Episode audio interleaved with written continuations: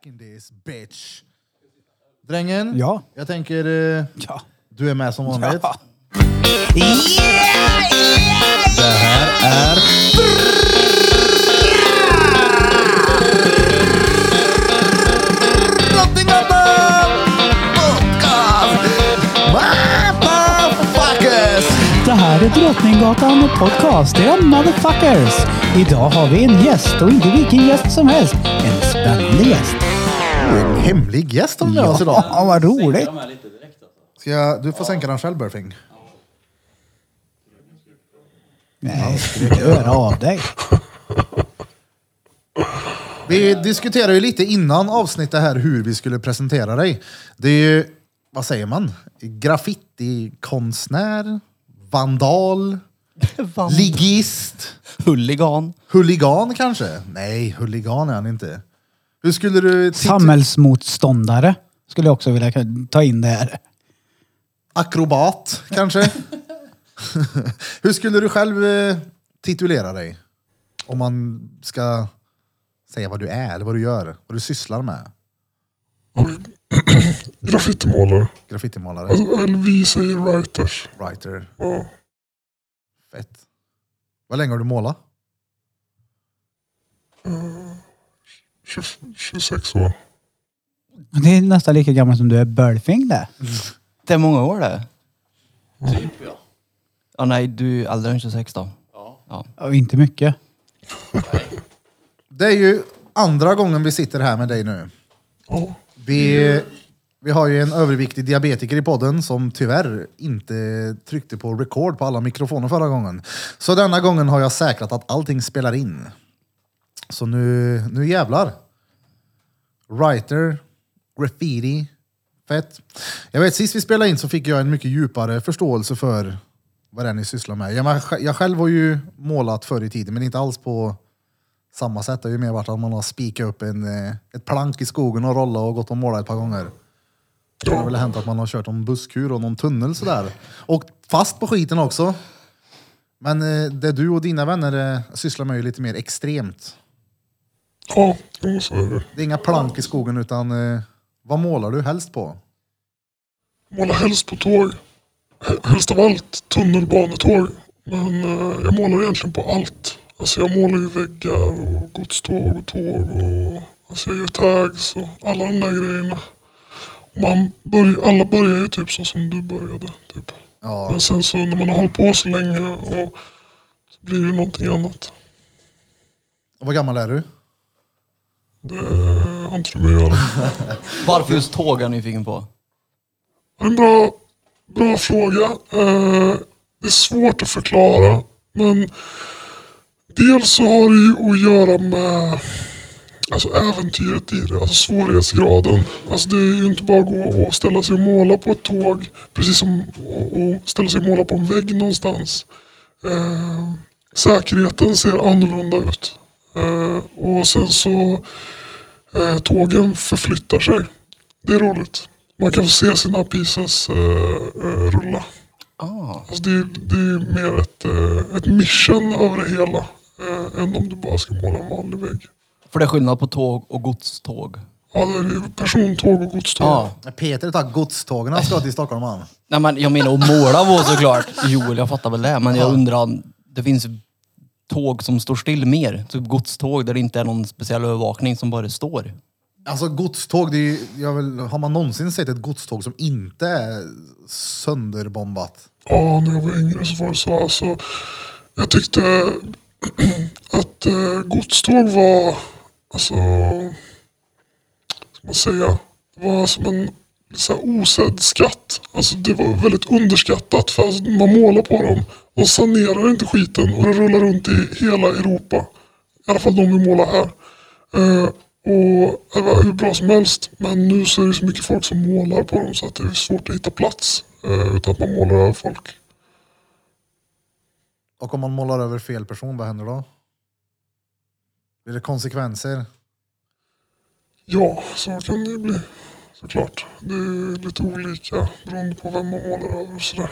Vem det är som målar över vem också. Ja, det är klart. Det Det finns, är, ni- hur vet man? jag tänkte precis säga det, det finns lite av en hierarki alltså. Ja, ja äh, graffitikulturen är väldigt hierarkisk. Så är det. Att den som har hållit på längst eller står högst upp. Dels så är det ju så. Alltså det handlar mycket om eh, vem som har hållit, hållit på länge. Eh, vem som är duktig.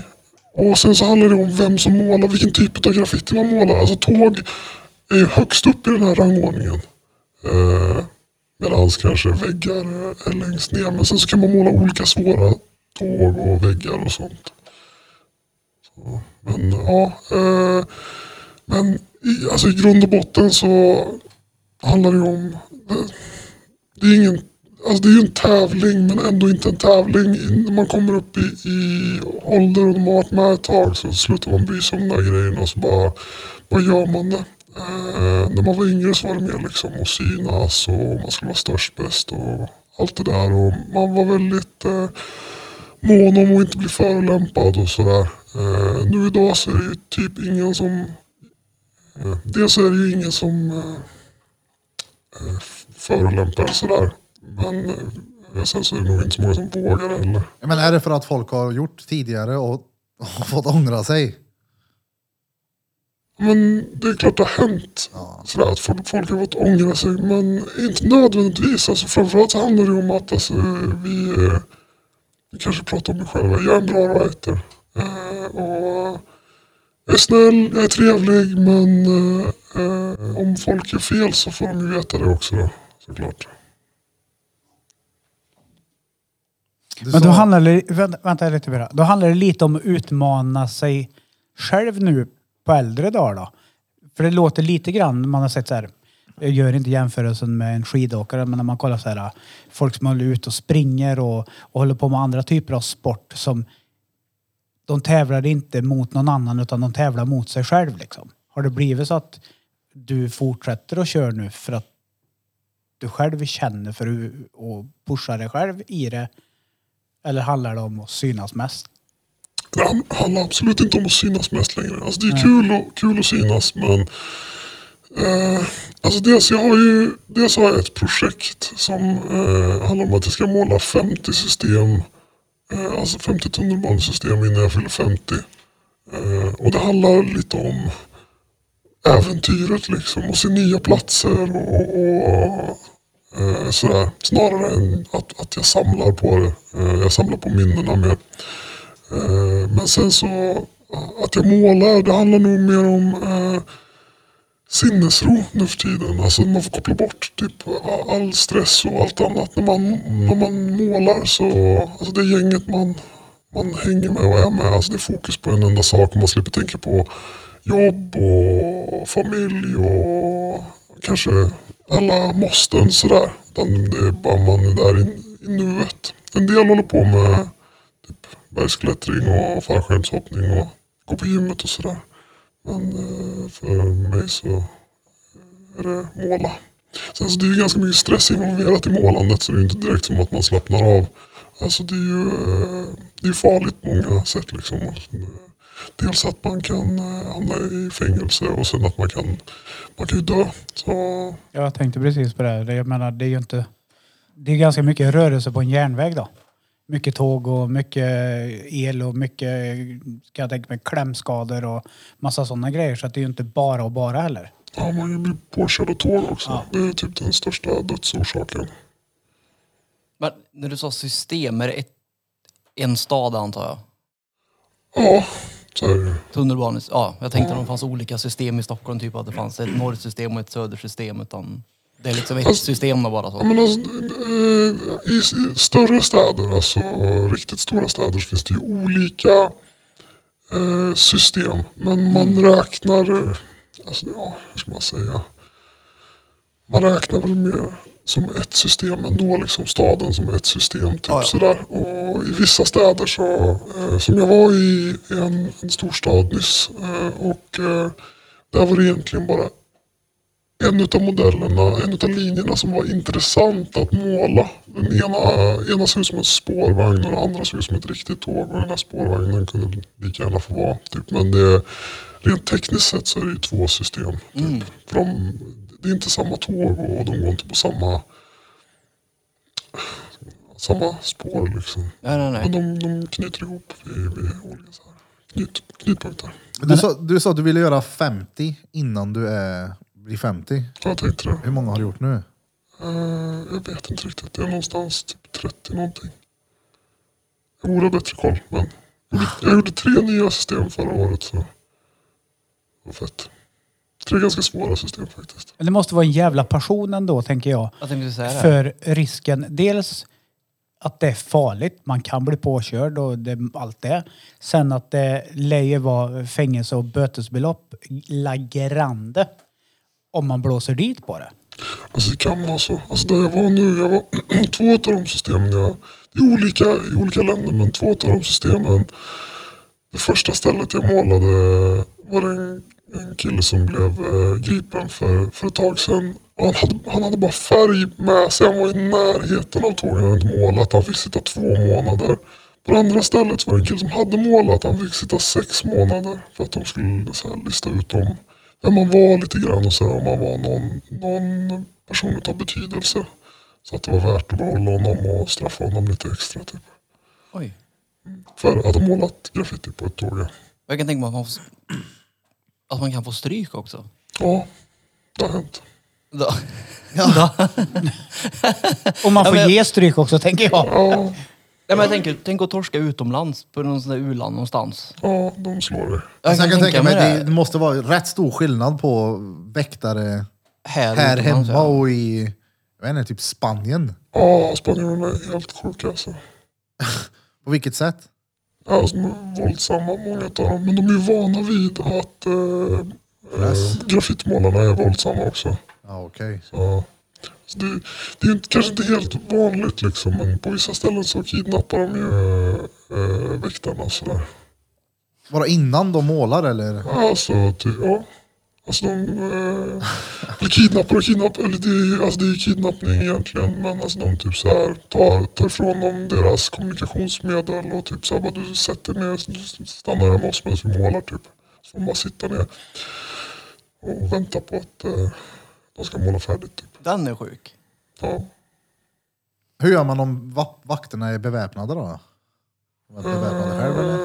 Nej, men alltså, menar du med pistol typ? Ja, pistol eller vad de nu än... eh, Alltså, har de- Kalashnikovs eller vad de kan Ja, vara. har de, har de alltså, riktiga vapen så kanske man inte ska jiddra med dem. Men eh, eh, det, är det bara någon batong liksom.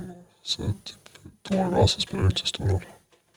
Eller det känns Alltså, en hel man- del då. Man försöker ju undvika den där konfrontationen in i det sista då, men eh, händer det så händer det. Men man måste känna något ofantligt mycket folk.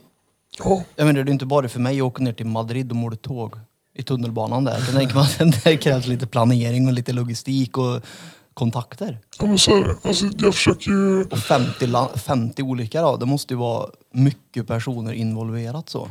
ja, För att det ska lyckas menar jag. Men så är det, alltså man har ju ett internationellt nätverk. Eh, och, och, alltså senast idag fick jag en förfrågan om att någon ville komma till mig och, och hälsa på mig och att jag skulle hjälpa dem med att måla vissa modeller. Och jag har folk planerade som ska komma under våren från Spanien och Polen och Tyskland.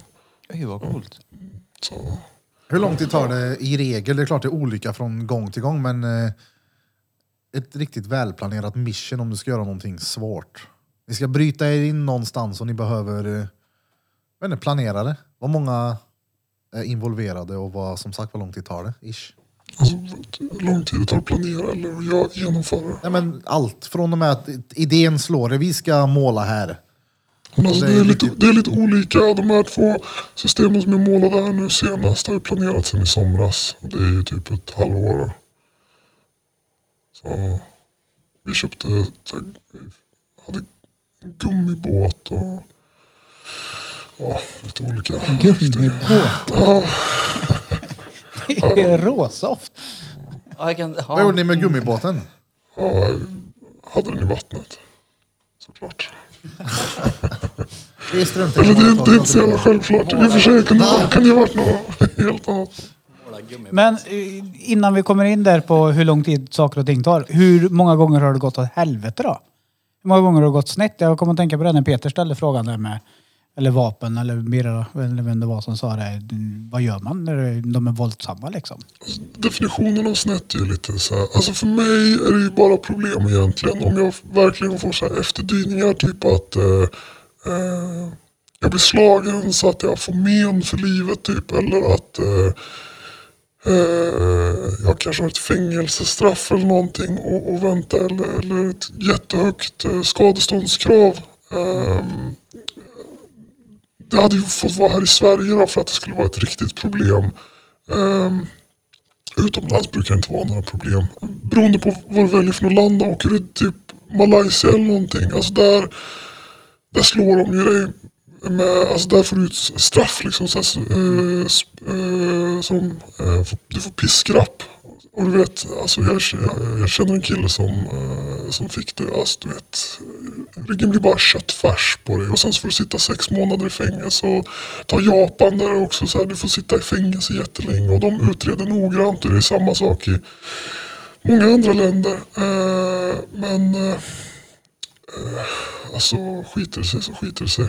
Alltså, jag har fått stryk men eh, och jag har haft pistoler i ansiktet och sådär. Men alltså, man tänker inte så mycket på det.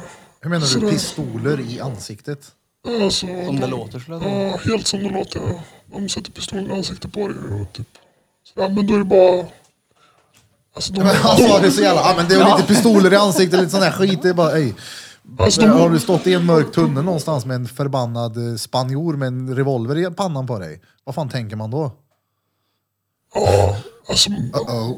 ja, lite så. Alltså, fuck! Nej men det är ju typ som, alltså ni är ju bankrånare fast ni sticker därifrån utan pengar. Ja, lite så. Ni sticker därifrån med en eh, målning. Det är mycket som offras. Alltså, det, är, det är mycket planering involverat och det är ju eh, alltså, det är ju inte samma straff som, som att råna i och med att det är inget våldsbrott vi håller på med. Men eh, eh, det är ju klart att eh, Eh, man riskerar ju en hel del och det, det är ju mycket planering involverat. Och, och sådär. Det måste det ju vara, för jag tänker så här, man skiter ju inte hemma hos någon annan heller. Så det lär ju vara ett jävla gissel om man inte har ett nätverk eh, och fått tillåtelse att åka och måla. Säg att jag åker till Ukraina imorgon. Jag måste ju känna någon eller få tag på någon som ändå har lite koll. Jag kan inte bara gå ner och bara, här ska jag köra. Mm, valde du ett av de svåraste länderna Ja, i. det Men, eh, men gjorde. eh, alltså det beror på lite. Alltså det finns ju viss politik kring det där. Eh, på vissa ställen så gäller den inte och på vissa ställen så gäller den absolut. Alltså jag, jag, eh, jag kan ju åka typ vart jag vill i hela världen som turist. Eh, och, eh, och måla. Alltså så är det. Sen så eh, vissa ställen så är det folk som eh, man kan säga det är som att folk äger eh, de här eh, ställena där man kan måla på. Och man måste gå- gå dit med dem och måla. Men det är inte, alla turister vet ju inte om sånt. Om du reser runt halva jorden då spelar det ingen roll. Liksom. Och framförallt så det är ett fenomen som eh, gäller främ, främst i småstäder och sådär. Där det ställer till med mer bekymmer om, om folk målar mycket än i, i storstäder. Det, det funkar inte att ha som så i, i stora städer som regel. Men nu är vi i närheten av Oslo. I Oslo så är det ju en, eh, en av tåguppställningsplatserna där som ett, ett crew har eh, sagt att det är deras. I, alltså since forever. Och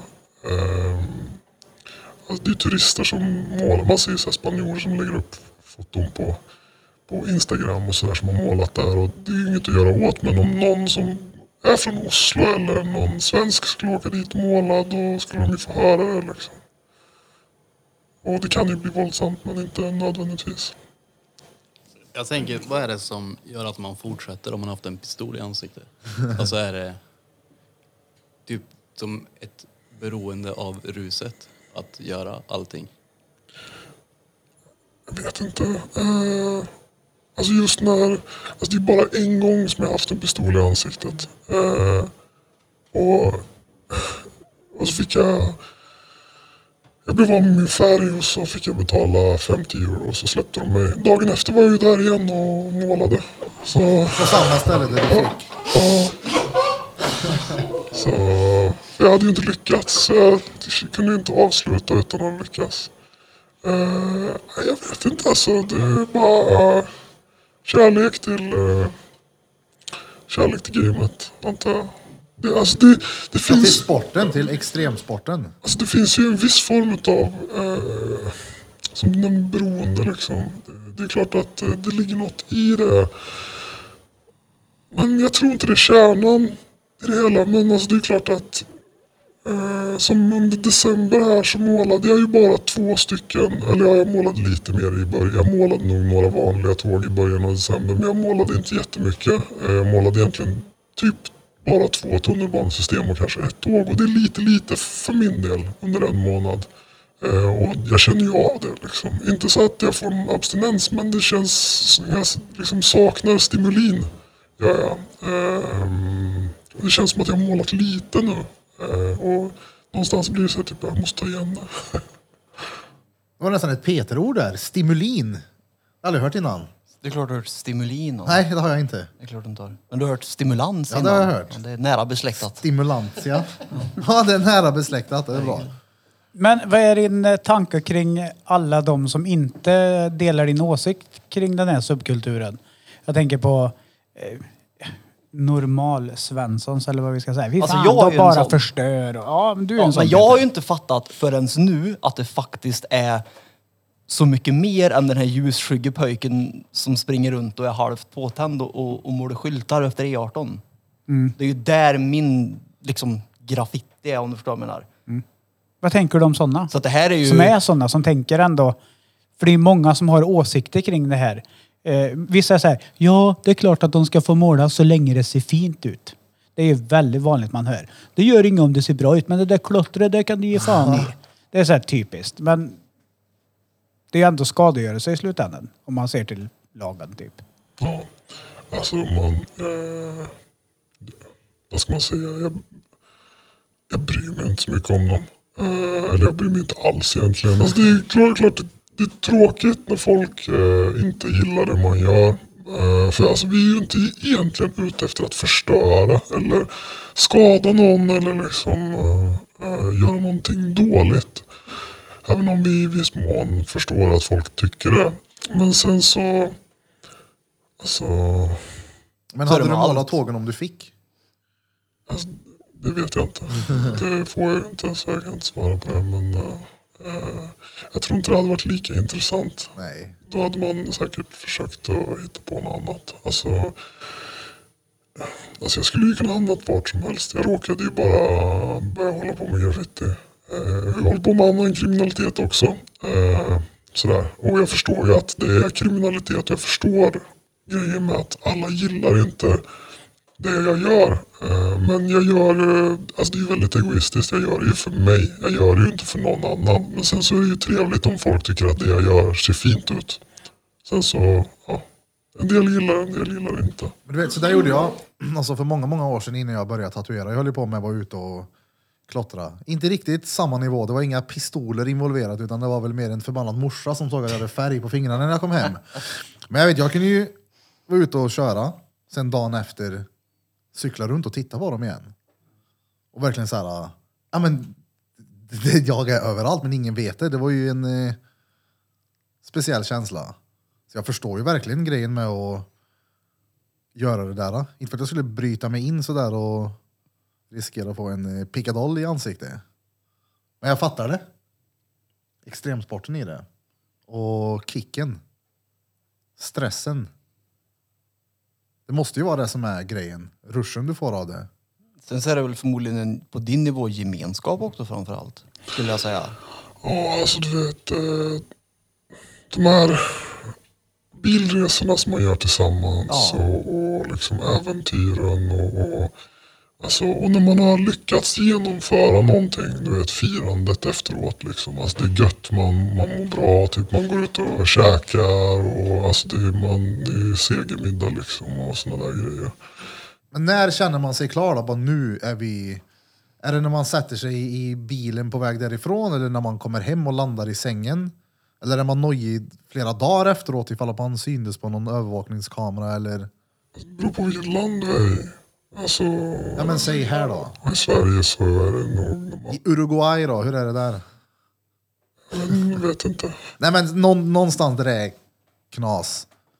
Ja men ta eh, typ eh, Kina eller Japan eller eh, ja, USA är väl så medel, medelnojigt men eh, alltså det är lite som ett gatlopp för de utreder ju ordentligt liksom. Alltså det är så här, det händer inte så mycket, så jättemycket grejer. Eh, USA kanske händer lite mer än Japan då, men Japan där det är så här det händer inte eh, jättemycket skadegörelse på tunnelbanetåg där så att de, de har ju koll på eh, de sakerna och, och försöker få fast folk innan de lämnar landet. Så att det, är man i vissa länder så handlar det om att okej, det- det är inte säkert förrän jag har, planet har lyft liksom. Ehm, um, Medan här i Sverige så alltså det kan vara allt från det att man ofta så typ man det här är väldigt individuellt också. Alltså det här, det här, nu pratar jag utifrån mig själv men alltså jag, kan, jag har svårt att fira eh, innan eh, jag typ har kommit hem. För att det, det kan ju hända att man blir stannad längs med vägen och, av polisen och de typ plockar ut en ur bilen och, och hittar typ grejer sådär och då är det ju fortfarande, är fortfarande problematiskt. Men man, man halvfirar när man har målat och sitter i bilen och är på väg därifrån. Då kan man slappna av lite och typ snacka lite skit och ha det gött och sådär. Har du målat New York någon gång? Ja. Det måste varit fett. Jag tänker så här, för mig så är Style Wars, det var typ det som fick upp intresset för mig. Eh, och det är ju typ, jag ska väl inte slänga mig som att jag kan det, men säg att graffitin började där någonstans. Eh, speciellt på tåg. Och graffitin på tåg börjar Ja, och det, det måste ju vara the holy grail. Om, om jag hade varit i branschen hade jag velat åka till New York.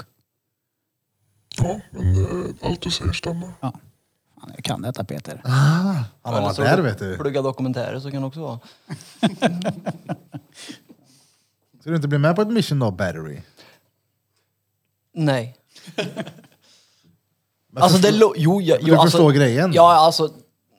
När han lägger upp det så här. Ni har ju förklarat som muppar för mig när jag har frågat. Om man jämför med förklaringen som jag precis har fått nu. Nej, men, eller så har du vägrat att lyssna på oss. Nej, absolut inte. Det, Absolut. innan så säger Peter, jag har så jävla mycket frågor, nu ska jag fråga. Han har varit den som har helt Ja men, han, nu. men det är ju intressant att lyssna på. Han reder ut frågorna efter vägen. Det är ju kanon. Ja, det är ju asbra. Ja, så det är väldigt utförligt och för någon som inte fattar, som inte är med eller har målat med spritpenna två gånger i sitt liv, bara en gång på en buss typ. Det är min graffitikarriär. Jag har typ sprayat med en burk tre gånger kanske. Bara cykel en av dem. Men jag tänker, hur många månader eller år är Peter ifrån att få följa med på ett mission? Om vi leker med tanken att han nu bara, han kommer upp med en tag här nu, Reet Pete. Kanske inte, men säg Reet. Går bra. Han börjar, du ser att det kommer upp lite tags här och där. Och Det går inte. det är helt uteslutet eller? Det är väl klart. Men du kanske snöar in som fan i det och blir... Jo men jag menar, Men jag menar på den nivån så måste man ju vara väldigt s- en sluten cirkel på något vis. Där det är väldigt känsligt med folk som kommer utifrån kan jag tänka mig. men precis så. Alltså det är väldigt mycket så det är. Alltså, antingen så känner man någon Eh, och, och kan bli inbjuden eller så kan man erbjuda någonting speciellt.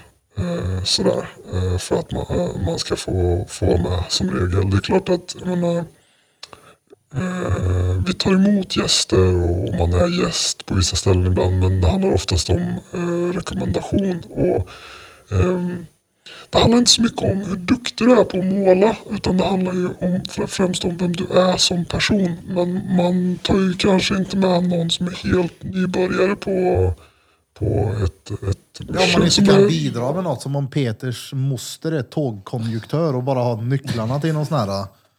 Mm. Ja men le, någonting helt absurt. Okej, nu du, du får hänga med. Konjuktör. Vad, heter det då? Konduktör. Konduktör! Konjuktör. Konjuktör! Jag förstår vad du menar. Om man får tillgång till någonting speciellt. Eh, alltså det är klart att eh, man hade utnyttjat det. För då, då handlar det om att du hade utnyttjat Peter. Men, eh, Ja, jo men det, jag förstår det. men, men alltså, eh, och, alltså, och vi är ganska snälla så det är klart att han har fått något tillbaka. Det är inte det. Men eh, hade det inte varit att han inte hade haft något speciellt så hade, hade han ju inte kunnat få följa med.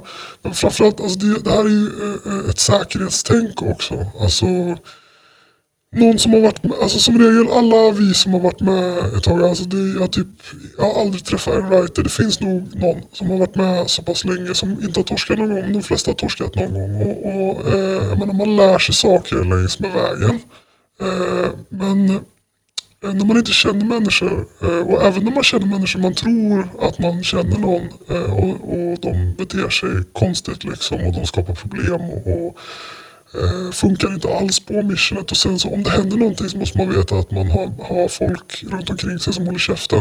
Alltså det är superviktigt och om jag bara tar med någon, någon som vill följa med som jag inte känner eller som är, är toy, alltså nybörjare då Ja, Eh, kan- Då, det då, vet jag, alltså, då vet jag, då, det, då vet jag inte liksom vad som händer om, om det går åt helvete.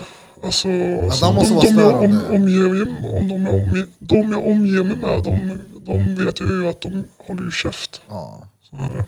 det är jätteviktigt att man håller varandra om ryggen. Och sen så måste man veta att eh, alltså man vet ju vilka man har med sig på plats också. Som eh, alltså, finns där för en. Liksom, om det är så att eh, det dyker upp eh, någon form av problem. Om de backar upp en eller om de bara springer. Men eh, är risken också att om man skulle bjuda med någon, att de tar sig friheten att göra det utöver din tid sen om du förstår vad jag menar? Ja, jag förstår vad du menar. Alltså, sånt händer ju. Alltså, det är också ett problem. Ja. eh, som existerar. Och därför är det väldigt viktigt och, och liksom, alltså, man gör ju en bedömning eh, och ibland så har det blivit fel. Men alltså som regel, alltså, om folk gör någonting som de inte får så får de ju, eh, det blir konsekvenser utav det. Alltså vi är ju inte, vi är ju ganska snälla killar men alltså det är ju våld involverat i den här kulturen. Så är det ju. Det finns ju en hier- hierarki som sagt var. Och det är jättetråkigt när det blir så. Men det är det enda, alltså först försöker vi alltid prata med människor men det är det enda språket en del personer fattar. Tyvärr. Jo, men med tanke på den kulturen det är så förstår jag det också samtidigt. Det är väl alltså, som säger, antisociala, prokriminella, mycket sådana personer antar jag som springer runt och håller på med det här också. I alla fall på min nivå, om jag hade befunnit mig. Jag hade ju inte åkt utomlands och målat, jag hade ju sprungit runt och målat elskåp någonstans. Förmodligen. Ah. Så jag kan tänka mig att det är mycket, som du uttryckte det, toys som kommer i vägen. Ja, det, är- det är ju det som är problemet. Så då förstår jag att våld är det enda de förstår kanske. Det är att de ska hävda sig och grejer också. Jag hade ju inte fattat du, så jag hade förmodligen målat på allt. Ja, men det kan väl vara så också att folk som inte fattar överhuvudtaget att det är en hierarki. Att det bara är fritt fram och köra. Precis, och det är därför man, alltså man gör ju en bedömning alltid liksom. Och man försöker att prata med människor. Alltså det var ju någon som hörde av sig till mig idag senast och sa det att vi vill åka hit och, och måla och vi vet att vi måste prata med er. Kan vi ordna någonting? Och i och med att vi har en, en av dem som följer med eh, har jag målat med förut och vi har en ytterligare gemensam kontakt som, eh, jag, ty- som jag tycker är jättebra, jättebra kille. Eh, och att de faktiskt hörde av sig så tänkte jag okej men då ordnar jag någonting istället för att de bara åker och gör det liksom. Så man måste ju samtidigt som man eh, håller på på, eh, på att folk inte får måla överallt så måste man försöka vara bjussig. Alltså, för annars så blir det att eh, det- det ställer till med, med problem. Liksom. Men eh, man kan inte vara bjussig med vem, vem som helst heller. Vi är tillbaka efter en liten bensträckare. Jag ska skruva upp min insulinpenna. Skicken rätt i magen. Är det ingen som är tvärsöken på insulin eller? Nej, ja, räcker med en gång. Det var inget bra. Du gillar det där Peter? Nej. Hur, var- hur, var- hur var det? Vad hände då? Blev jätteoff i huvudet. Segtänkt och... Nej, det kopplar inte alls. Vad gör du? Jag tänker inte på mig. Ja, men den står alldeles för nära här nu. Gör han det? Jaha, det gör den. Om vi tittar bort då? Nej, du kan inte smälla den där förstår du väl? Jo, Lägg den i burken. Nej, nej, men är du sämst? så jävla död runt katten.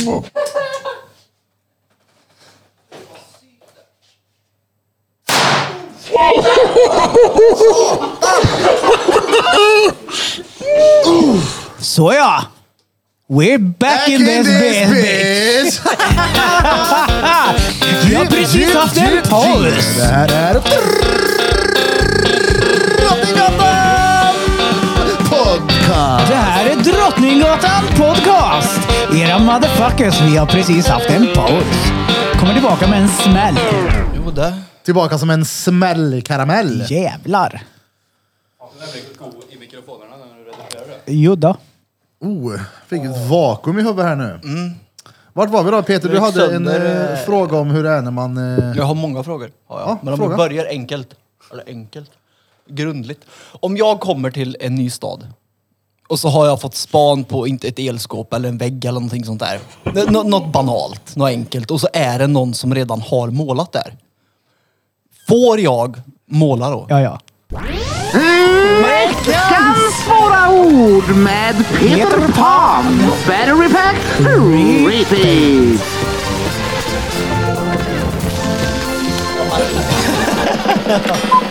Banalt? banalt, Banalt. Ja men lägg av! men jag Jag tyck- börjar kolla på varandra direkt. Bara, ja, ja, det är dags nu va? Ja. Den eh, måste ändå kategoriseras som ett lite Ja men du, finare du ord. vet ju vad det betyder. Nej men förklara. Men du vet väl vad banalt är? Ja, Men det är ju du som är magister. Nej men du ska alltid gissa har vi kommit överens om. Jag gissar på att det är som analt fast utan glidmedel. Med en banan. Ja, med en banan. Nej men... Banalt. Ja, du hade rätt Erik. Okej, bra. I alla fall. Det är väl klart du inte hade. Mm. Det Ja, det känns i huvudet att någonting har hänt här inne då. Nu återgår vi till frågan tycker jag. Ja. Hur gör man avvägningen? För du sa förut att du gör det ändå för din skull. Ska du måla över någon eller? Ja men om du s- kommer till en ny stad. Gör man inte det då ändå? Om någon har målat någonstans och du undrar om jag får måla rakt över honom eller? Ja.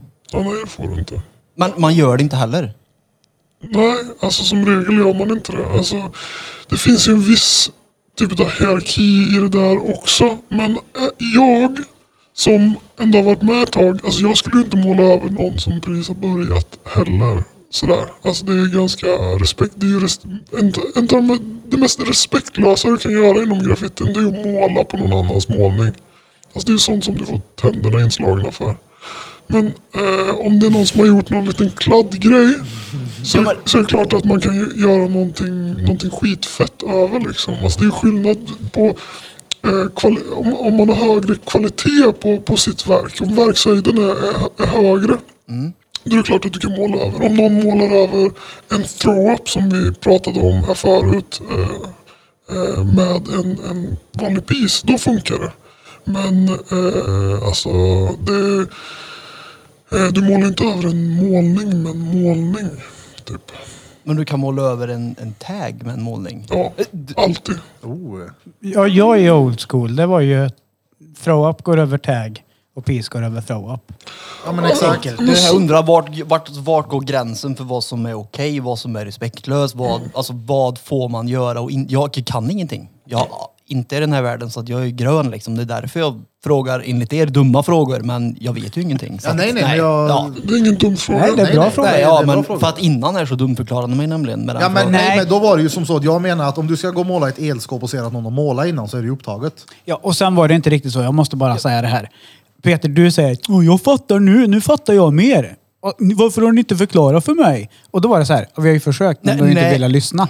Ni förklarar på ett jävligt kefft sätt där ni gör att ni står över och skriker så här, "Ha, du kan ingenting, det är klart. Ja, så gör vi. Ja, precis så gör ni. Mm.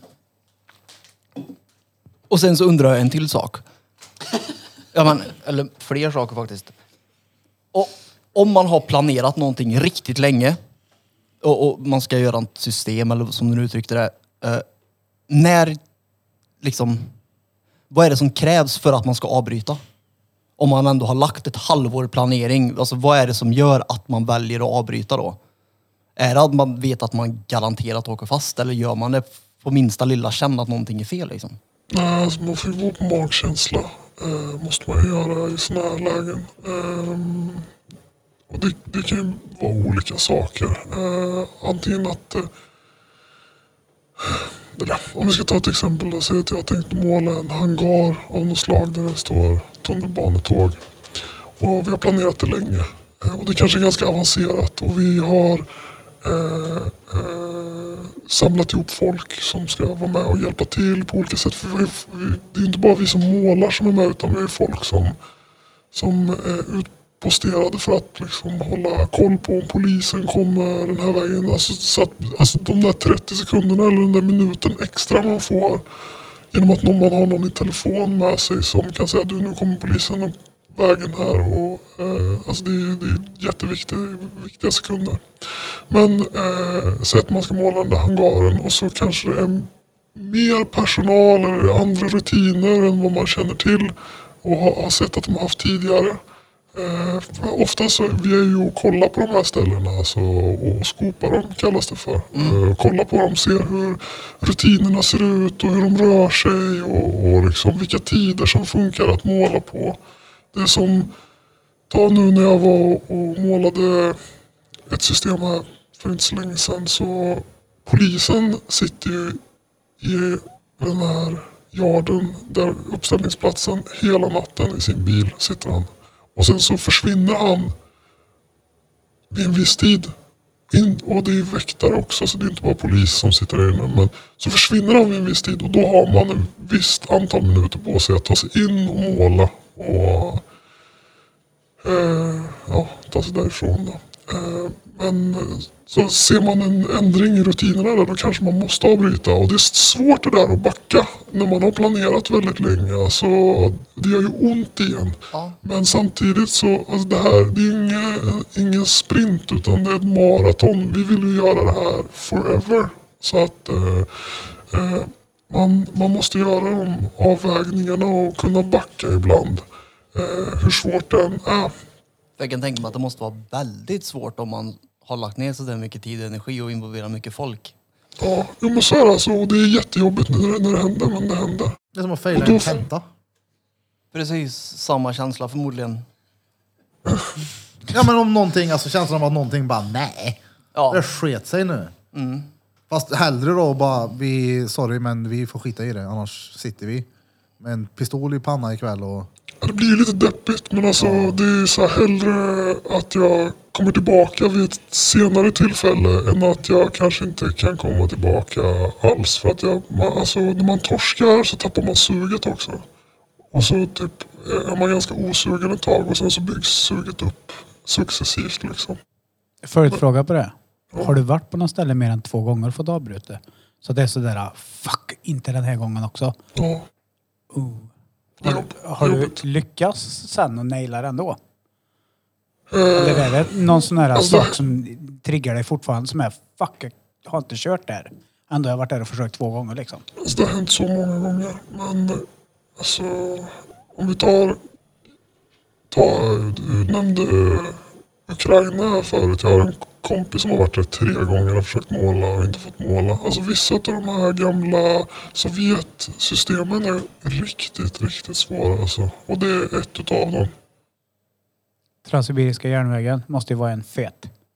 Jag vet inte ens hur de vagnarna ser ut men Den går ju väl typ från Sankt Petersburg till Peking typ. ja, jo, men så är det. Men jag tror inte vagnarna är något speciellt men ja det Jag ska börja med den här så är det den jag ska gå på först. Jag ska göra en Mark Ni, hör, Echo ja. ni hörde till Drottninggatan podcast första gången. Då drar Transsibiriska järnvägen. Är han fake? Superfake. Ja vad fan då. Det finns i alla fall klipp på, på Youtube när Mark Echo ska tagga på presidentens privatflyg. Air Force One. Ja, Air Force One och skriver still free. Så han är fake då. Ja. Vad fan. För det hade ju varit... Eh, det är bara tur att den är fake. För jag menar, vem som helst hade bara kunnat kliva in och lagt en bombjävel där då. Så, ja det ser man. Va? va? Vem? Mark Echo. Ett klädesmärke Echo. Ja, det, jo. Får kolla Youtube. Sök på Mark Echo tagging Air Force One. ja, jag var på väg. Men om vi pratar om eh, graffiti på tåg. Vad tycker du om de här eh, som har blivit populärt nu de sista tio åren? Ordentligt i alla fall. För normalsvensson. I den här stan så har vi ju ja, men, eh, några muraler som har kommit upp. Är det graffiti för dig också eller är det bara toys? Tänkte jag säga. Duktiga artister men, men det är inte graffiti för dig eller? Eller är det graffiti också? precis så. Alltså det är inte, det är inte graph. Nej. För min del. Eh, jag ser det inte som... Alltså det är inte graffiti. Alltså det är street art är det. Och graffiti är mamman till street art. Alltså... Och alltså, det är ju massor utav det som är snyggt och sådär. Men alltså det är ofta inom street art-kulturen alltså, de är så fucking pretto. Alltså de tror de är så jävla duktiga. Och eh, det är många av dem som ser ner på oss graffitimålare. Eh, Medan många inte gör det också såklart. Och en del håller på med både olaglig graffiti och, och eh, eh, eh street art. Men som regel alltså street art är inte populärt bland, bland writers. Alltså, jag skulle inte vilja kalla det för kulturell appropriation men eh, det är nästan lite på gränsen till det alltså. För det är ju sånt som är mer, vad ska man säga, accepterat av Gunilla. 64 år som är på väg till jobbet. Åh gud vad vackert det där var. Men det där klottret, det kan dra åt helvete. Men det förstår man ju. Alltså det är ju inte, det är inte svårt att förstå. Alltså, för det är ju ofta väldigt fint och figurativt och de har en vecka på sig att göra den här väggen liksom. Medan vi har 10 sekunder på oss att göra Jag den. tänker det Tack! är sällan Gunilla 84 ser ett hål i tunnelbanan. Bara, "Är det haft kul igår pojkar Och bröt i sinne säkert planera det här i flera månader. Uh, vad gött det är till under sig med sprayfärg och Montana. Det finns att en del sådana kärringar också. Skriver till, Ja, mig, på, skriver till mig på. Instagram. Hon är väl eh, vida känd. Gammal fotograferingstanta. Sjukt alltså. Fan, jag såg hon var och fotade med OneUp typ någonstans för ett tag sedan. Jag tänkte, jag tänkte, jag tänkte sen de gjorde, de gjorde en sån nödbroms backjump eller någonting typ. På, och gjorde whole cars och grejer. Så hon med där och fotade. Jag bara om det händer något då, vad, vad gör hon då? Vad är nödbroms, backjump och en hole car för de som inte vet? Whole car är när du målar en hel tunnelbana eller en hel vagn. Alltså det behöver inte vara tunnelbana. Det kan ju vara ett vanligt tåg också. Och nödbroms backjump är när du, du drar i nödbromsen i tåget så att det står stilla. Och så målar du eh, medan det står stilla. Den är sjuk. Vad lång tid har man på sig då? Det är olika men några minuter. Alltså du vet folk är, alltså, det är effektivt idag kan jag säga. Alltså, du kan, som, om vi återgår till OneUp då som är ett crew från eh, eh, Tyskland framförallt. De har en, en video där de under ett nyårsfirande så springer de upp på en, en tunnelbanestation mitt i centrala Berlin och drar en nödbroms ner. Alltså det är hundratals pers på perrongen och i tåget. Och så målar den här tunnelbanevagnen, det kan inte ta mer än en, två minuter som vi gjort en whole car. Men de är så många och de är så samspelta och färgen idag är så pass effektiv. Så att alltså, det går att, att göra det på, på En, två minuter och måla en hel tågvagn. ja. Jag har faktiskt sett det här klippet. Ja, det är ja, Alltså, mycket krom då. men det Men de alltså, är ju typ 25 pers också. Det är sju, alltså många är de inte, men de, kanske de är ju inte tio kanske. Kanske men eh, alltså det är sjukt med alla fyrverkerier. Det ser ut som fucking Bagdad på gatan. Alltså det måste ju vara rå, alltså planerat och organiserat. Ja, Jag vet, nu minns jag inte vilken graffitifilm det är ifrån, men när de kör i, i Stockholm, PMS Army. ja. Den är ingen liten den. Jag vet, i, så ser man när de bränner fram eh, skissen på den här. då. Den är ju som en, ett kvitto. Som de har köpt för 14 familjer. Den här skissen liksom så här lång och smal. Har ni sett den? Nej. Du vet vilken jag menar Blom? Ja, Vi satt ju alltid och kollade på dem där förr. det är väl en... Subway Stories kan det vara Det den är, kanske? ja, det är, fast det är väl på väggen va? I, Ja, exakt. På, inte på tåget utan det är på, i, ja, på väggen. I, Det- Jag tror det är den scenen de lägger glödlampor och grejer på, på rull. på rulltrappebandet. Så Nej, att de det, nej hör. det är ju den när de kör, när han, när Uzi och Q. De Är det den kör någon rosa pis med sån här gröna larver eller någonting. Ja, den här rymdpisen ja. Det är samma film i alla fall i Stockholm Subway Stories. Nej, Vi kollar alltid på som, alltså, grafffilmer förr. Det är kul. Det är fett. Är du sugen nu då Peter på att hänga med och köra ett mission? Alltså, mission impossible. jag, jag kan tänka mig att jag, jag får liknande kickar fast på andra områden.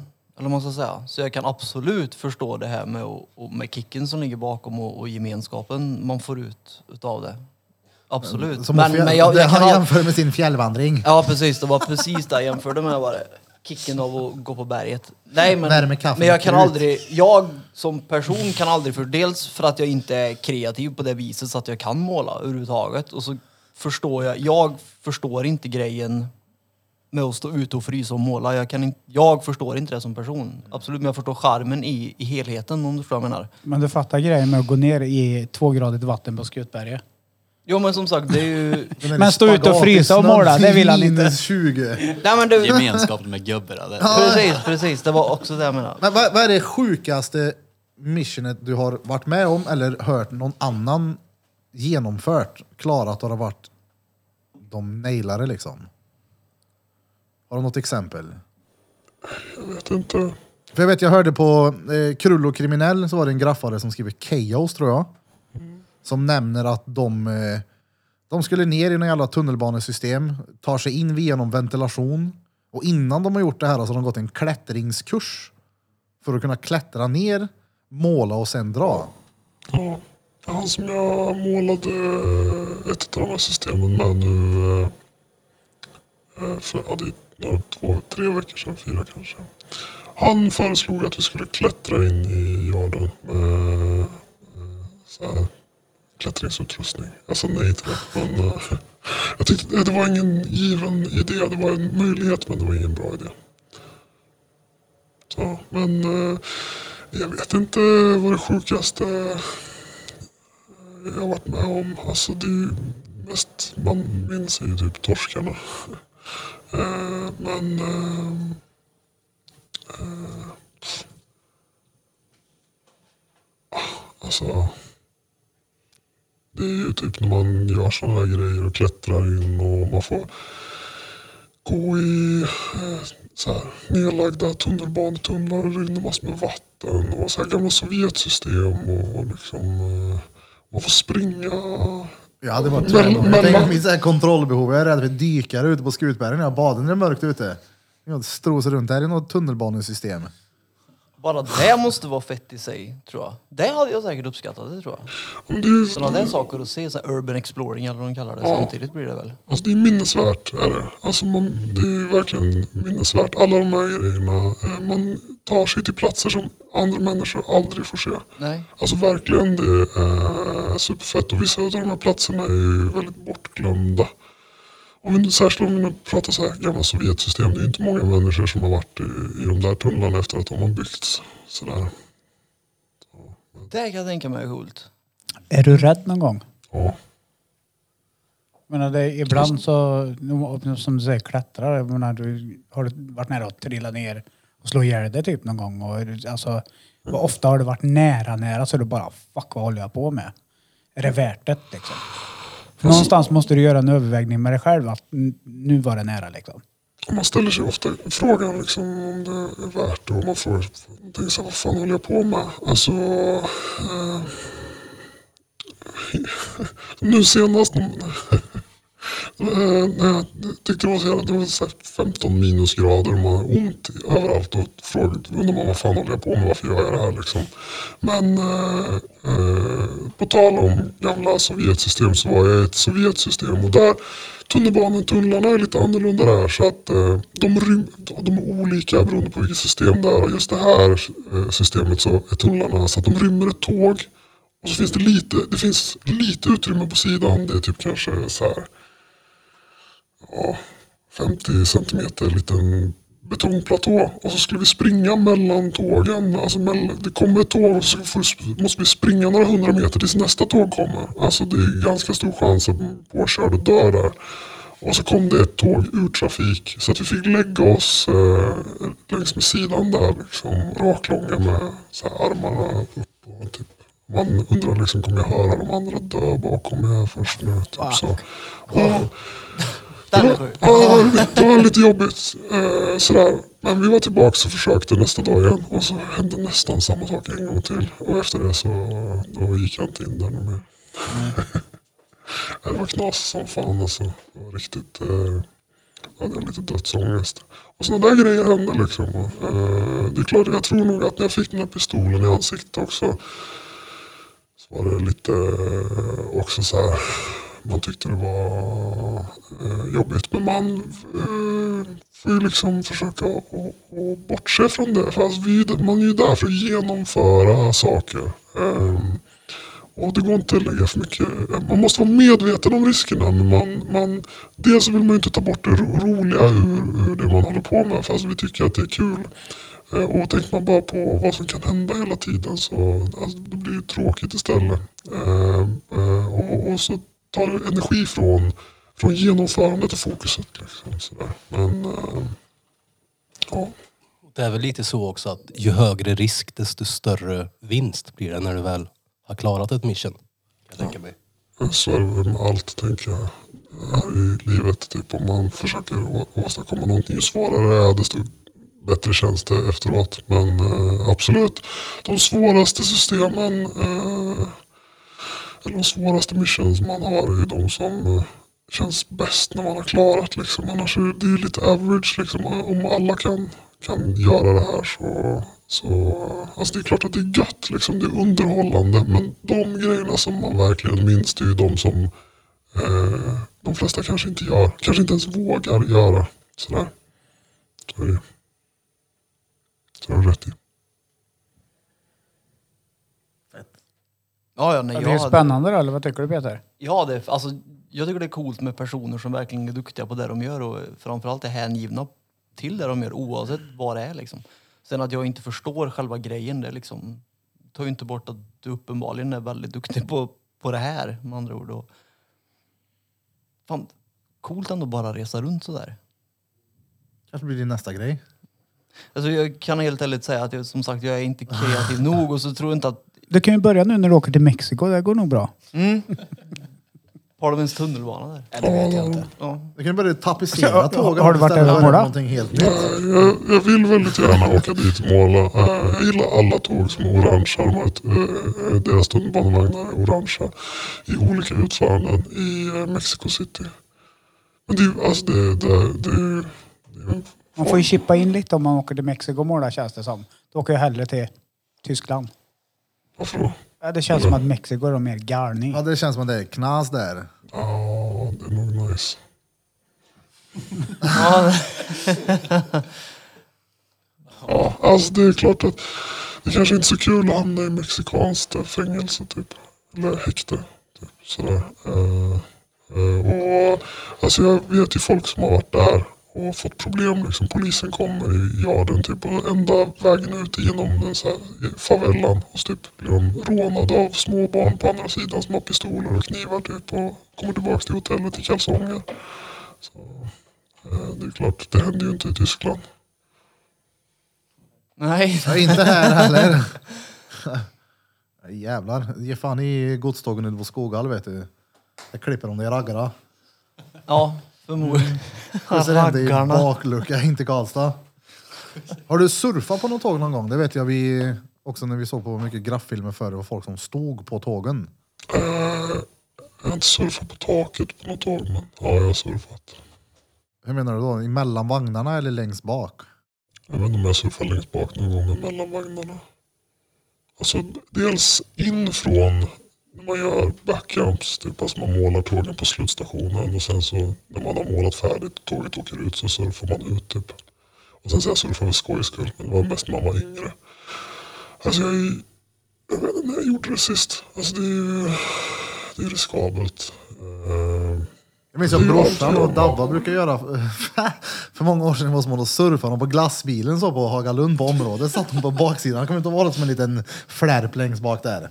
Det går inte riktigt lika fort då, som ett X2000 kanske men... Inte lika mycket el och grejer som... Fan men det är gött med glass. Jag tog snålskjuts på ett godståg för några år sedan. Jag från eh, Våxnäs, Rusta där borta, in till stan. Och så stannade aldrig tåget utan de bara fortsatte öka i fart. Det bara öka, öka, öka. Så jag flög av i farten och slog mig rejält. Här bara vid Arvidsjaur bara. Fuck! Jag blir lite sen. jag surfade hit gjorde jag. Gillar ni tågsurf, tågsurfning så kolla på Instagramkontot Life is great with attitude be dead. Eh, han, han surfar eh, godståg runt om i hela världen. Riktigt fett eh, Instagramkonto faktiskt. Så har ni Illegal Freedom på Youtube också. Med någon snubbe som heter Shai. Som Han åker runt stenbra. hela Europa och han är kungen. Åh fan. Ja det är fett då. Det är en eh, helt annan värld. Ja, jo. Ja, Alltså det är så mycket planering bakom. Det, det, som, som mig som är utanför har- fattar ju inte det. Det är mer såhär, ja ja, då har de varit där och kladdat igen liksom. Jag har ju en barndomskompis till mig. Han jobbar ju som lokförare på SJ. Han hatar ju graffiti han. Det är det värsta han vet. Han, det- alltså han, du vet, säger, säger honom så här, "Ja, jag såg en målning på ett tåg. Åh, fy fan." Han går igång direkt. Han hatar det. Som pesten. För han är så här, det kan läggas pengar på något annat istället. Han tar det personligt. Är det ofta man träffar på folk som jobbar på järnväg som tar det personligt? Shoutout till din barndomskompis. Ja, Ja, men han, tar, han, tar det, han tar det personligt så in i helvete. ja, eh, ja, de som jobbar. Eh, alltså, en del är konflikträdda. Eh, och det kan man ju förstå. Men alltså, det är mycket betahanar som gärna vill eh, vara alfa och visa att de är stora och starka och sådär. Men Alltså jag kan ju förstå dem. Alltså man kommer till deras arbetsplats och fuckar med deras skit. Ehm, men ja, det, det är en del som blir arga. Jag hade också blivit arg om någon gjorde så, någonting på min arbetsplats liksom. Så det är inte som att jag inte förstår. Det är bara att jag skiter i det. Men nu när du sa, på- jag blivit förbannad när någon kom till min arbetsplats. Det fick mig att tänka så här. Hur mycket energi tar det? För jag förutsätter att du inte är öppen med det här. Så hur mycket energi tar det att leva dubbelliv? Och just det. ja, Och det stå blir i ju- två olika världar om man säger så. Ja, en del alltså. Eh, det är inte jättejobbigt. Sådär, de som är närmast mig vet ju att, eh, att jag målar och sådär. Men eh, nej, det går ganska bra göra det. Eh, man är vant sig efter så många år. Eh, men det är klart att eh, man är ju trött ibland. För ofta, så, alltså ofta sker ju de här aktiviteterna nattetid. Va?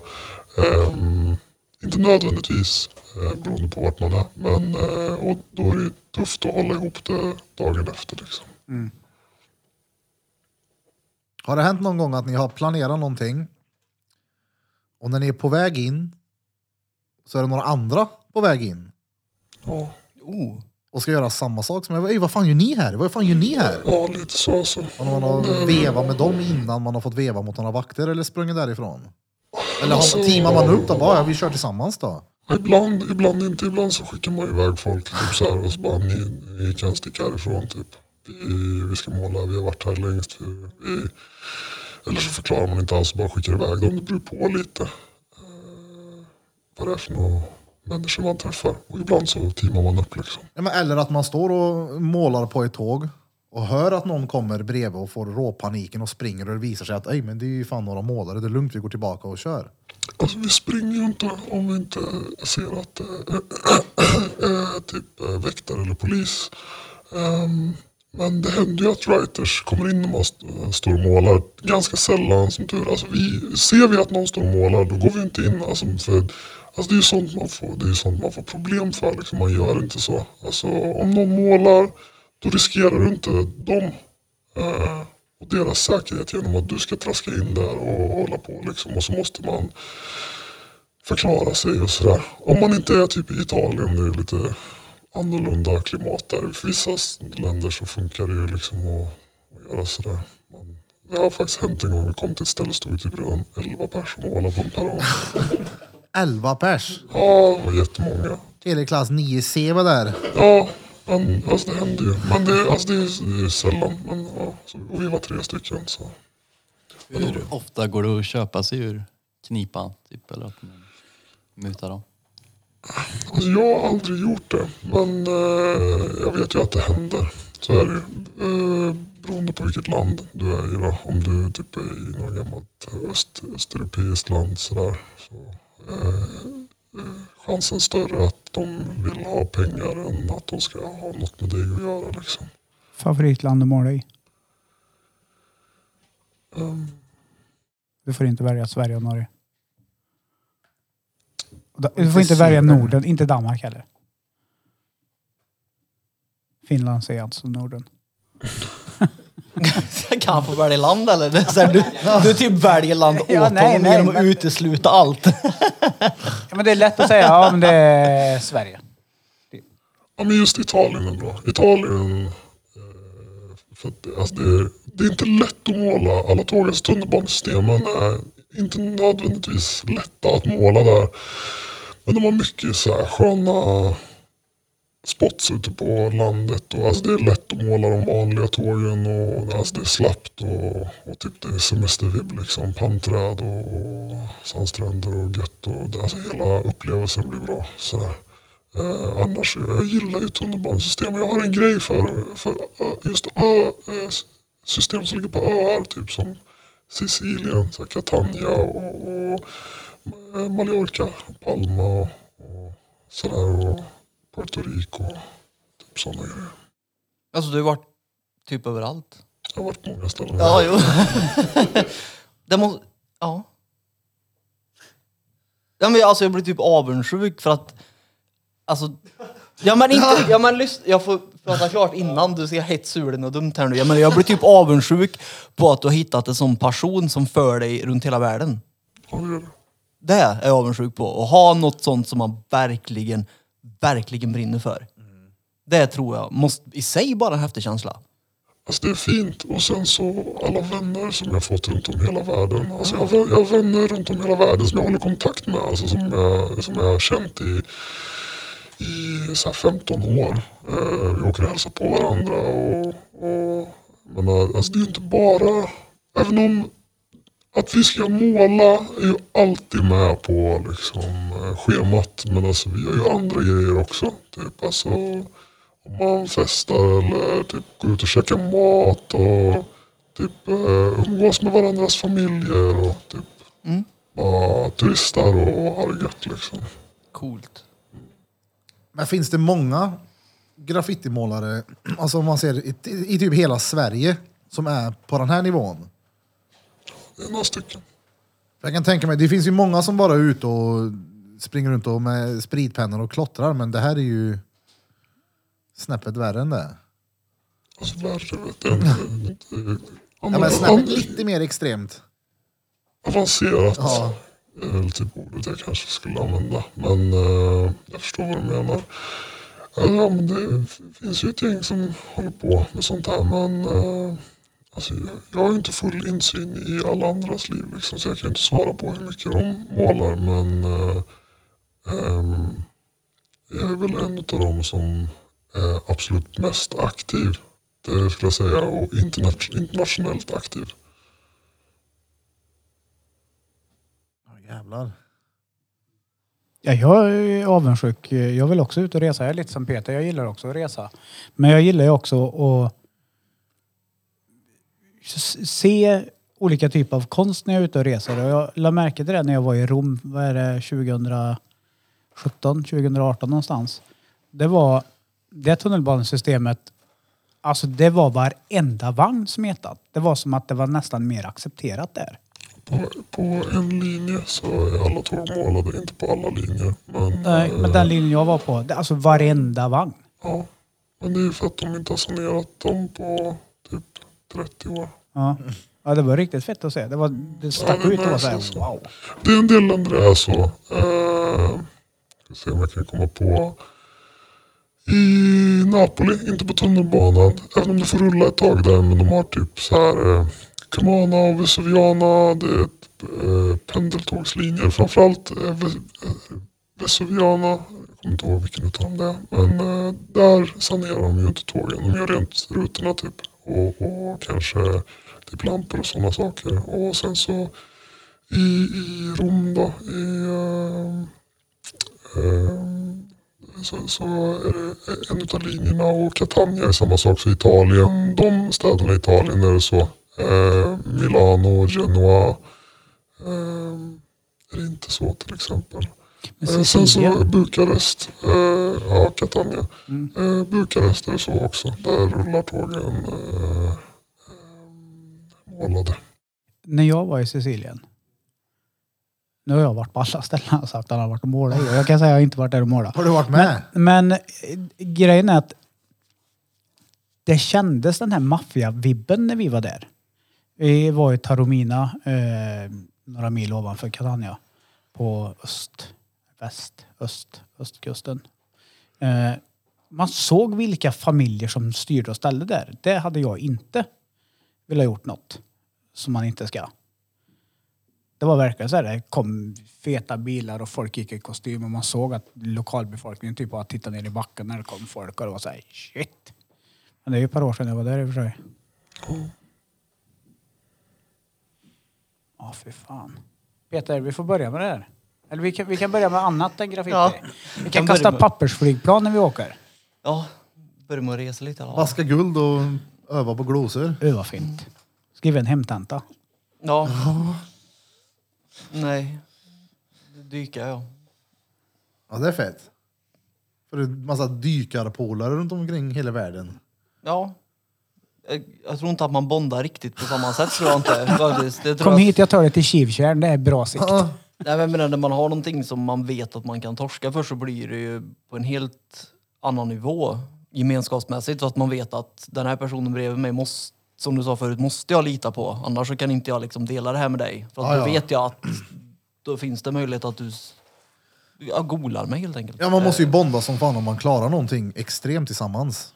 Eller man bara är med om en extrem situation som ni, när ni låg bredvid tågrälsen två dagar i rad. Ni lär ju aldrig glömma det. här. Nej, det lär jag inte göra. Men eh, alltså, det är inte alltid man trivs med varandra och gillar varandra. Alltså, det märker man ju. Eh, men man, man måste ju alltid kunna lita på varandra. Men eh, alltså, det är ju klart att eh, man, vi finner ju någonting som de flesta andra inte finner. Just för att vi håller på med kriminalitet. Så är det ju. Eh, eh och det, ja, det är speciellt. Är det. En speciell gemenskap som vi har. En väldigt fin eh, kultur på det sättet. Faktiskt. Som är sprungen ur kriminalitet. Som sagt var. Men är det så att man har alltså de här olika, eh, vad säger, inte, inte gäng, vad heter det? Inte klan, alltså vad heter det? Crew. Crew, eh, crew ja. Eh, Att de typ har så här, turf war, eller vad säger man? Revir, eh, att man ska synas i sitt revir, eller man, ska- jag vet inte hur jag ska formulera mig med rätta termer, men att man har ett område där, där vi bara syns och syns ni här så blir vi arga på er.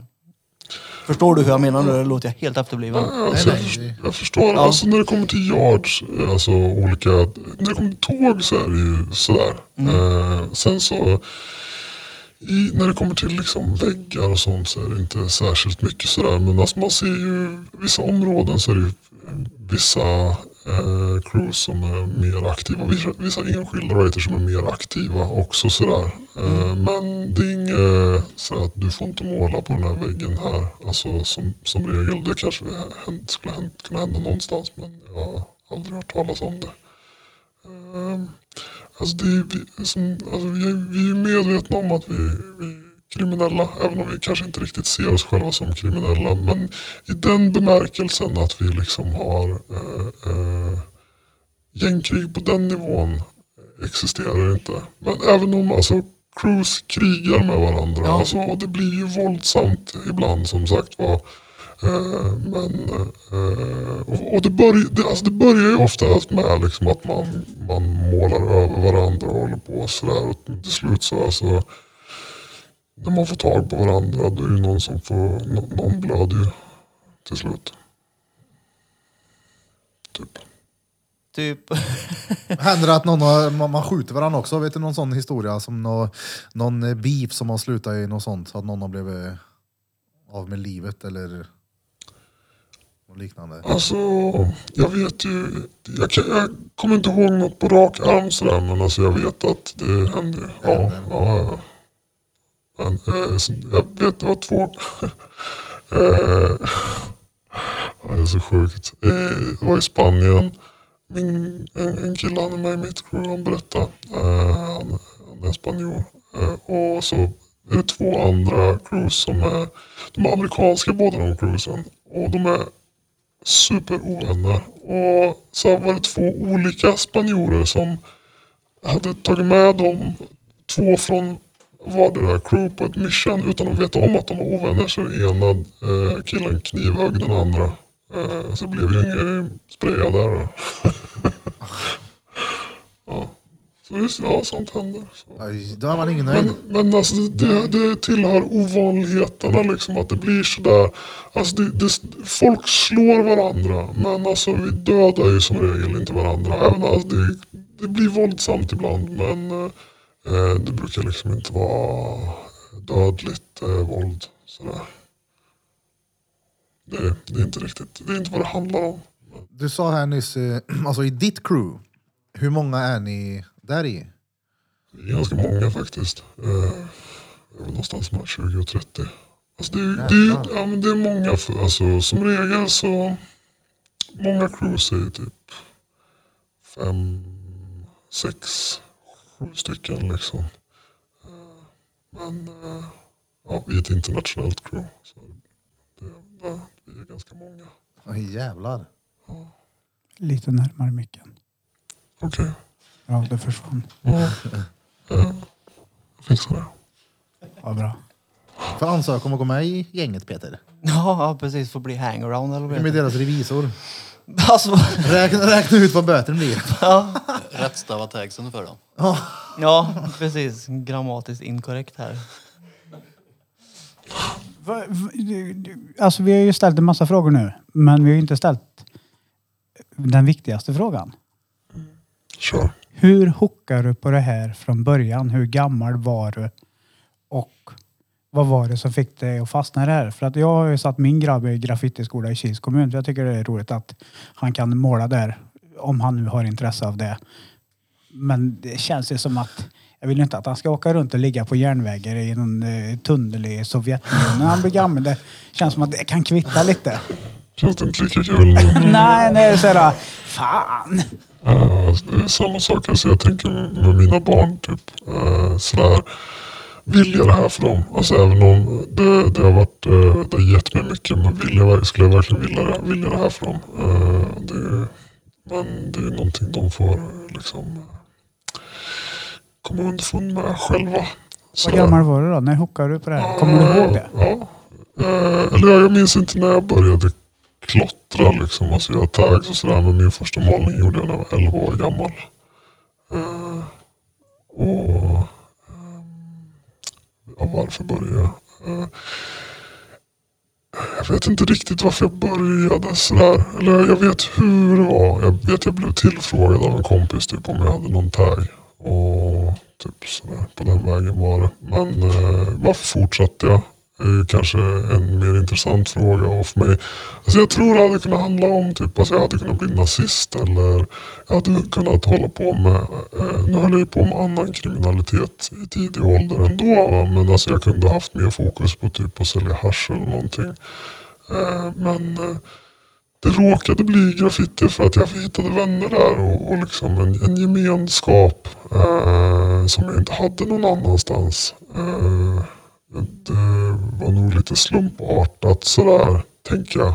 Eh, för jag var inte bra på att måla eller någonting när jag var yngre utan det bara blev, blev den där grejen. Eh, och det var ju väldigt populärt. Alla prövade liksom och, och, och alla coola prövade att måla. Eh, men alla andra och jag var inte särskilt cool ska jag tillägga. Eller jag, jag ville gärna vara det men jag var inte det.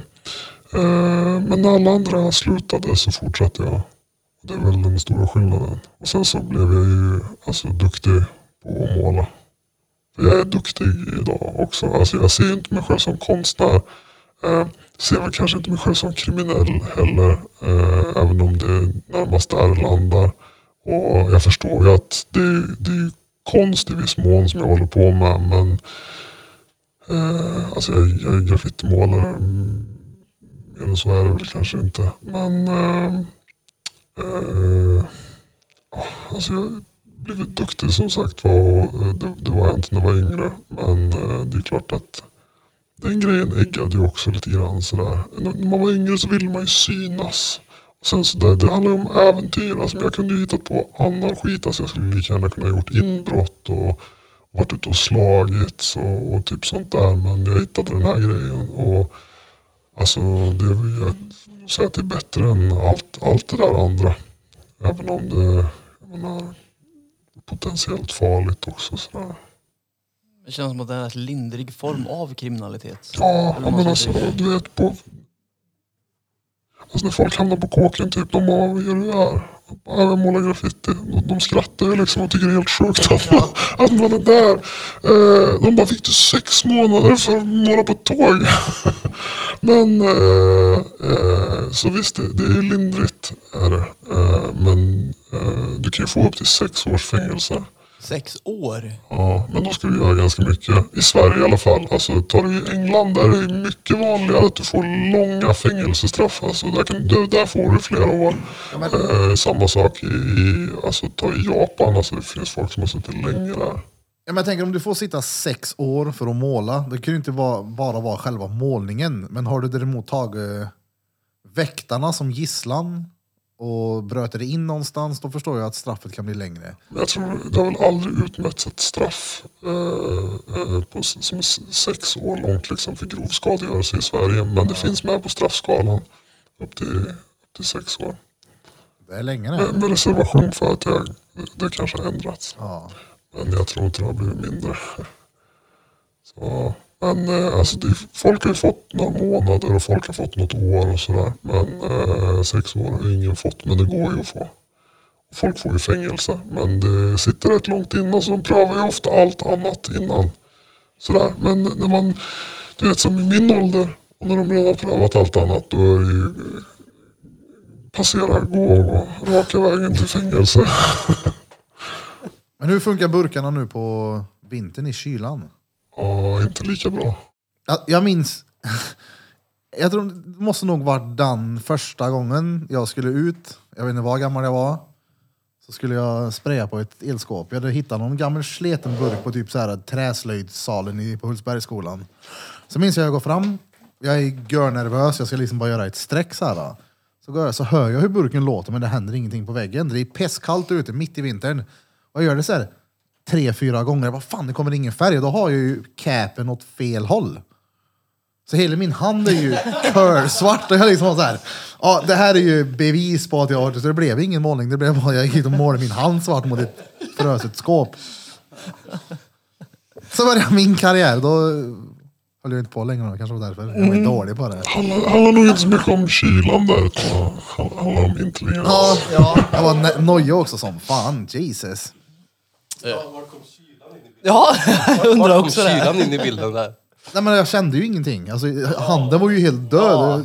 Då kände jag ju att jag sprayade ner en svart näve. Eh, Ja, jag, men vad har du gjort? Eh, jag har målat. en tavla i garaget. jag funderar lite på utvecklingen, typ från när du var 11 år och hur det ser ut nu. Är det fortfarande 11-åringar som målar? Eller är det mindre eller mer? Eller? Alltså det känns ju som att det är mindre, alltså när, som när jag var ung. Alltså alla typ testade att klottra eh, och, och måla sådär. Eh, och i viss mån så sker ju det fortfarande kan jag tänka mig. Jag har inte full insyn va? även om jag har barn och sådär. Eh, och där har det ju förekommit. Men eh, eh, man, jag tycker man ser färre yngre writers komma upp. Alltså det känns som att folk börjar senare faktiskt. Det gör det. Men ja, det är mycket som har ändrats. Alltså tillgången på sprayfärg har ju ändrats radikalt. Alltså när jag var liten då var det ju inte riktigt lika. Det, vi kunde ju inte köpa färg liksom. Alltså en sprayburk kostade 110 typ kronor och det fanns inte den här sprayfärgen som var avsedd till att måla graffiti med. Utan det var ju sprayfärg som var till typ för att lackera bilar med liksom. Och så var man tvungen att stjäla den. Och samma sak med, med pennor och sådana saker. Man fick stjäla grejer. Eh, och det är skönt att slippa idag kan jag säga. Ja, för det måste ju kosta något ofantligt mycket pengar. Alltså inte bara färgen utan alla resor och allting runt omkring menar jag. ja, Det är inte billigt att åka utomlands. Och sen när man ska planera något sånt här så borde det ju dra iväg ännu mer. ja, det kostar pengar. Coolt ändå. Men å andra sidan lär ju bo hyfsat billigt. Eftersom du ändå har polare. Ja, Du åker ibland, till Polen typ. ibland är det ju så. Man kan åka och bo en polare. Ibland så gör man inte det. Nej, det beror Jag nog vet på inte man ska måla kanske. Jag vet inte om man får säga det för att vara uppviglare till brottslighet. Jag vet inte. Men jag hoppas att du når dina 50 då. Ja, det vet jag att jag kommer göra. Jävla bucket list grej. Bara check. Ja, sjuk grej. Jag har inte gjort en enda. Ja. Nej. Jag ligger lite efter men jag tar ikapp. Jesus. Ja, det är coolt som fan. Ja, det är ju en frän subkultur fast samtidigt så är det ju liksom... Det, det känns som att... Eller nu pratar jag bara utifrån mitt eget perspektiv så jag kanske inte ska säga att det känns som. Utan jag kanske upplever det som att väldigt få i din värld är laglydiga Svenssons. Om man bortser från den delen liksom. Det har du helt rätt i. Det, det känns inte... Det känns Ja, men som att... många är ju liksom cykelsadeltjuvar som käkar benzo. Nej men... Det Ja, här är ja ju- precis. De har ju råd att åka till Polen och måla. Ja, nej, nej, men jag menar i, alltså, hur Svenssons, tror jag, ser på Alltså, alltså, graffiti, klotter och alltså, graffare. de, de flesta utav oss alltså, är ju normala. Alltså, vi har ju jobb och familj och alltså, en del... Eh, eh, alltså, jag är ganska aktad inom eh, eh, mitt yrke. Eh, normala liv sådär. Eh, det är ju inte... Menar, det, det finns ju alla typer av människor inom kulturen. Men eh, vi, vi eh, vuxna vanliga människor som liksom, ja, håller på med det här också. Eh, så, Det vet jag, det fanns någon artikel i Aftonbladet för länge sedan när de släppte den här på andra sidan spåret. Eh, om graffare. Att det var sån chock från folk att det här är ju folk i 30-35-årsåldern som har barn och fast jobb. Och politiker tänkte att det bara var, precis som du sa Peter, cykelsadeltjuvar som håller på med det här. Eller om det var Birra som sa. Det var billigare. Men jag tror det är den vanliga bilden av just... ja, men alltså sen så, alltså vi är ju... Det går inte att bortse från att alltså, om man håller på med kriminalitet, alltså man är ju mer okej med annan typ av kriminalitet också. Alltså nu talar jag utifrån mig själv men alltså jag ser ju bland mina eh, eh, vänner liksom att eh, de tycker det, alltså vi, man bryr sig inte om annan kriminalitet sådär heller. Vi fördömer ju ingenting sådär om det, alltså det är vanliga liksom, man gillar inte sexualbrott och, typ Nej. Alltså, kycklingar liksom, folk som gör keffa saker men annars så skiter man ju i typ lite såhär, man, man bryr sig typ. Så man är ju mer accepterande, accepterande inför, inför sånt och det är många som håller på med annan kriminalitet också. Alltså det blir ju att man man eh, har ju en eh, lite eh, mer positiv inställning till sånt.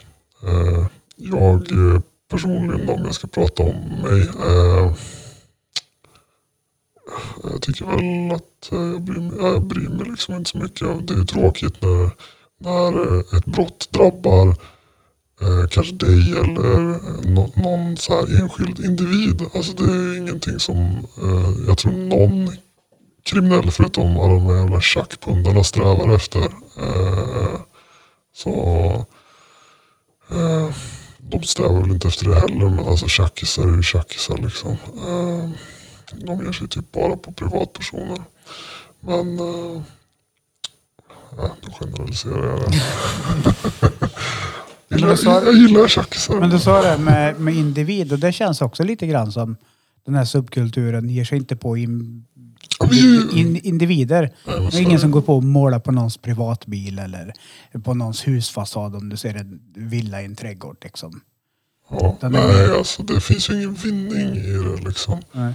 Ehm, gör det ju inte. Ehm, och man försöker ju vara, vara eh, skonsam när det kommer till privat egendom. Eh, man tänker ju efter lite där liksom. Så man vill ju inte att det ska drabba individen. Ni är ödmjuka grabbar och tjejer Ja, alltså. snälla. Är det mycket tjejer Nej, på din nivå? nej. Men det finns brudar ändå? Ja, inte på min nivå typ. Alltså det är typ inte alltså. Nej. Några få. Men, ja. Vi diskuterade här för några, något avsnitt sen om eh, här i stan så har vi ju, alltså jag har ju alltid, jag kollar ju alltid efter eh, graffiti och målningar och sånt där. Och vi diskuterade här om att det är en kille som, jag vet inte, för något, vad ska vi säga? Nej, jag kom precis på att vi pratade om det så jag blev typ lycklig att jag kom på det. Det var, jag skulle inte säga något. Ja men eh, Pok. ja, Ja men som ett exempel, vi har sett en snubbe, troligtvis en snubbe, som har bara målat alltså så in i bänken eller klottrat sina tags, inga målningar, kanske någon enstaka. Hur tänker man som eh, graffare i din vad ska man säga, kategori när man ser en nykomling eller om man ska säga som bara poppar upp precis överallt och hela tiden? Och överallt. Ja, överallt. För till och med jag som inte liksom... Det är nästan som, titta i ett hörn här inne i studion så kommer du säkert hitta en poktag på den nivån. Här. Det finns, det står pok överallt. Men som sagt, hur tänker man när man ser det där? Vill man veta vem det är och bjuda med honom? Man ser att det finns ett driv i honom eller stör man sig? Vem fan är han? Alltså, man pratar ju om det typ eh, sinsemellan. Typ, så bara fundera på vem det är. Men eh, hos typ, det är väl fett liksom att han kör mycket. Men mer än så är det inte. Det är inte som att jag vill lära känna honom eller bjuda med honom. Typ. Men om våra vägar korsas så, så är det ju så. Ja.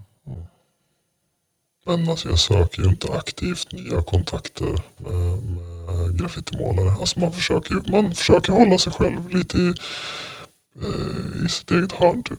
Men jag tänker att du måste ju bli mer intresserad om du ser att det finns ett driv och en talang än någon som bara går upp och...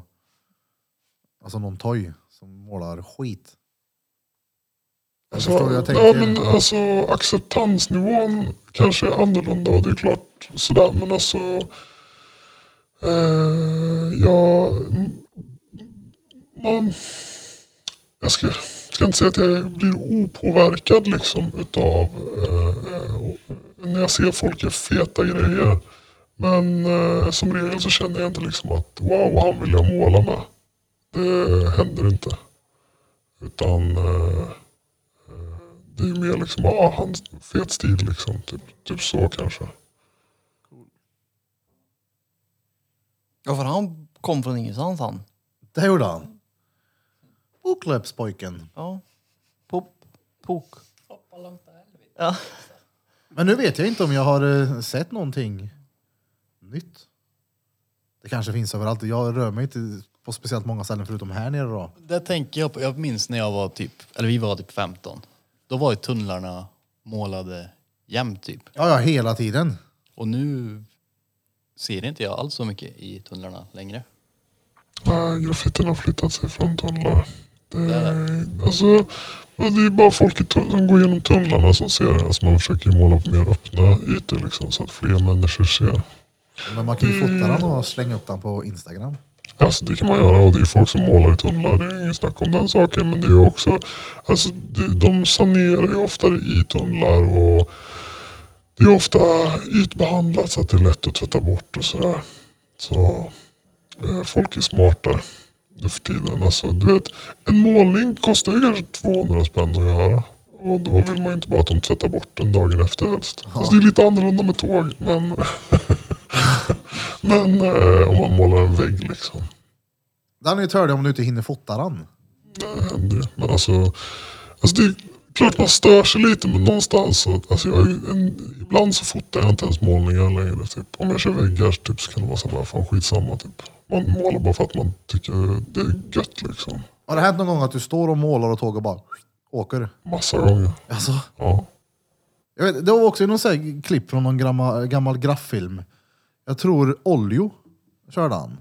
Där han springer efter ett tåg som rullar och kör en Oljo. Det är commuter madness. Han är sjuk. Men det är ett godståg om jag inte minns helt fel. Nej, det är pendeltågen X1. då. Jaha, det kanske var en X1. Ja, fett ju. Vi är tillbaka efter en liten bensträckare. Vi har pratat om någonting som kallas för yard shit. Vad innebär en yard shit? Ja, men det innebär att eh, innan man ska måla så alltså kroppen eh, eh, alltså man får ju ut- typ adrenalinpåslag liksom och, och, och kroppen gör sig redo för flykt liksom. Man blir skitnödig eh, utav eh, st- stresspåslaget typ. Och så, så man måste skita.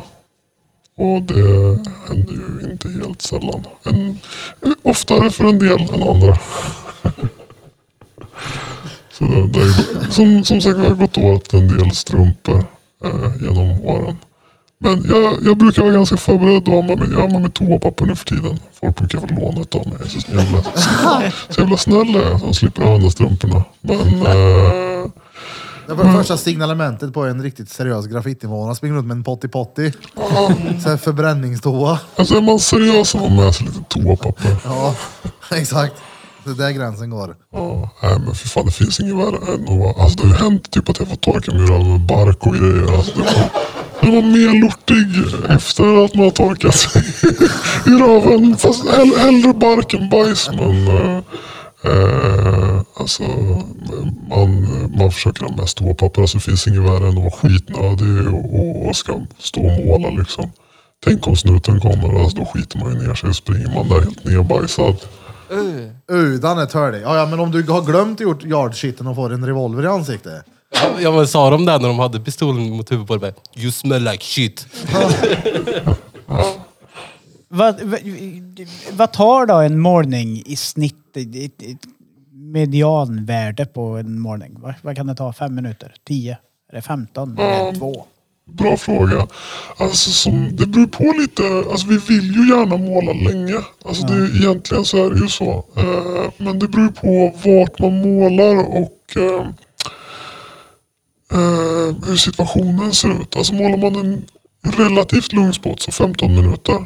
Då man, kan man stå och måla. Alltså är det riktigt lugnt så, så om man vet vad man håller på med så kan man stå i 45 minuter, en timme. Och alltså i vissa länder så står de ju riktigt länge. Då står de i flera timmar. Det fixar inte jag. Alltså för mig så är typ 20, mellan 15 minuter och 30 minuter ganska lagom.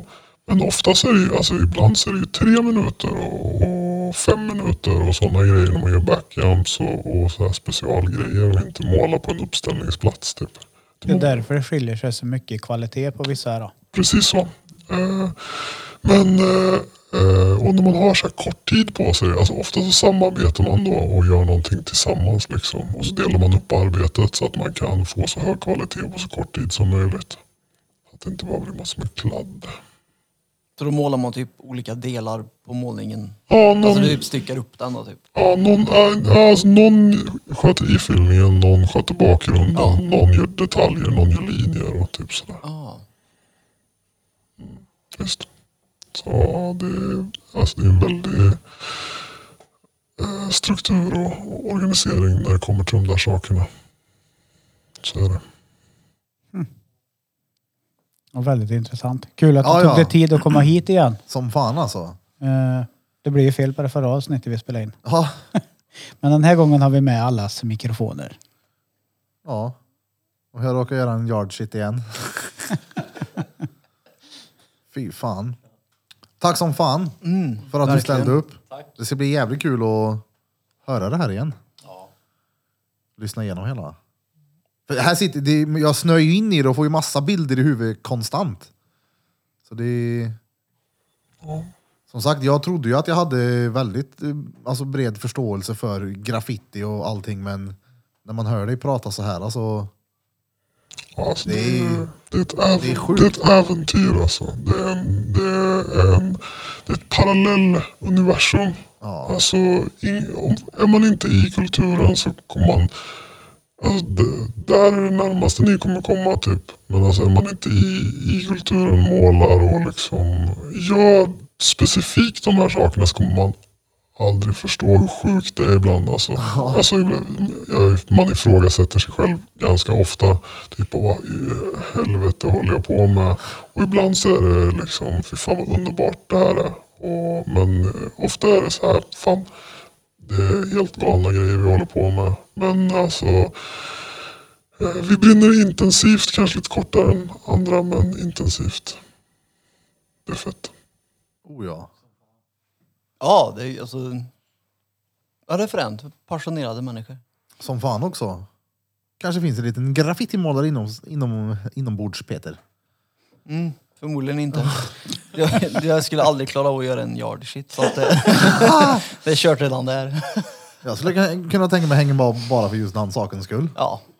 Jag Yard shit. hård, i- hård i magen ett par dagar. Jag följer med då. Jag ska också ha han 50 system innan jag är 50. 50 avloppssystem runt hela världen. Exakt. Vad är det för nummer nu då Fepper? 85. 85. 85 motherfuckers. Den ja, bör vara 85. 85. Ja, då var det då eller? Ja, då var det då.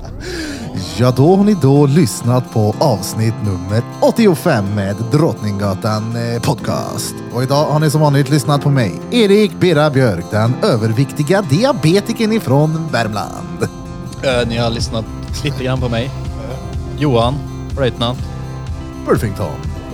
Ni har lyssnat lite grann på mig. Danne den lille taskele drängen. Nej, nej, nej, nej, nej, nej, nej, nej. Och mitt emot mig sitter... Peter, fri sjukvård, gratis sjukvård, Andersson.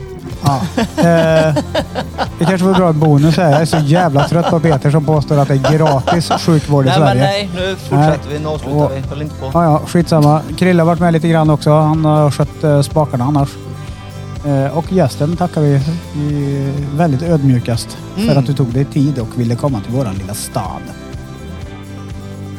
Verkligen. Cool. Tusen tack. Från oss alla. Kör den. Glöm inte bort att följa oss på sociala medier. Ja, vi finns ju på Instagram då. Det är där vi är mest aktiva. Få helvete. Få helvete, få helvete. Och från oss alla till er alla. Drum, drumma, kubas. Och det är inte gratis sjukvård och Olof kan ringa mig. Olof. Olof K Gustafsson, ring mig. Shoutout till Olof K.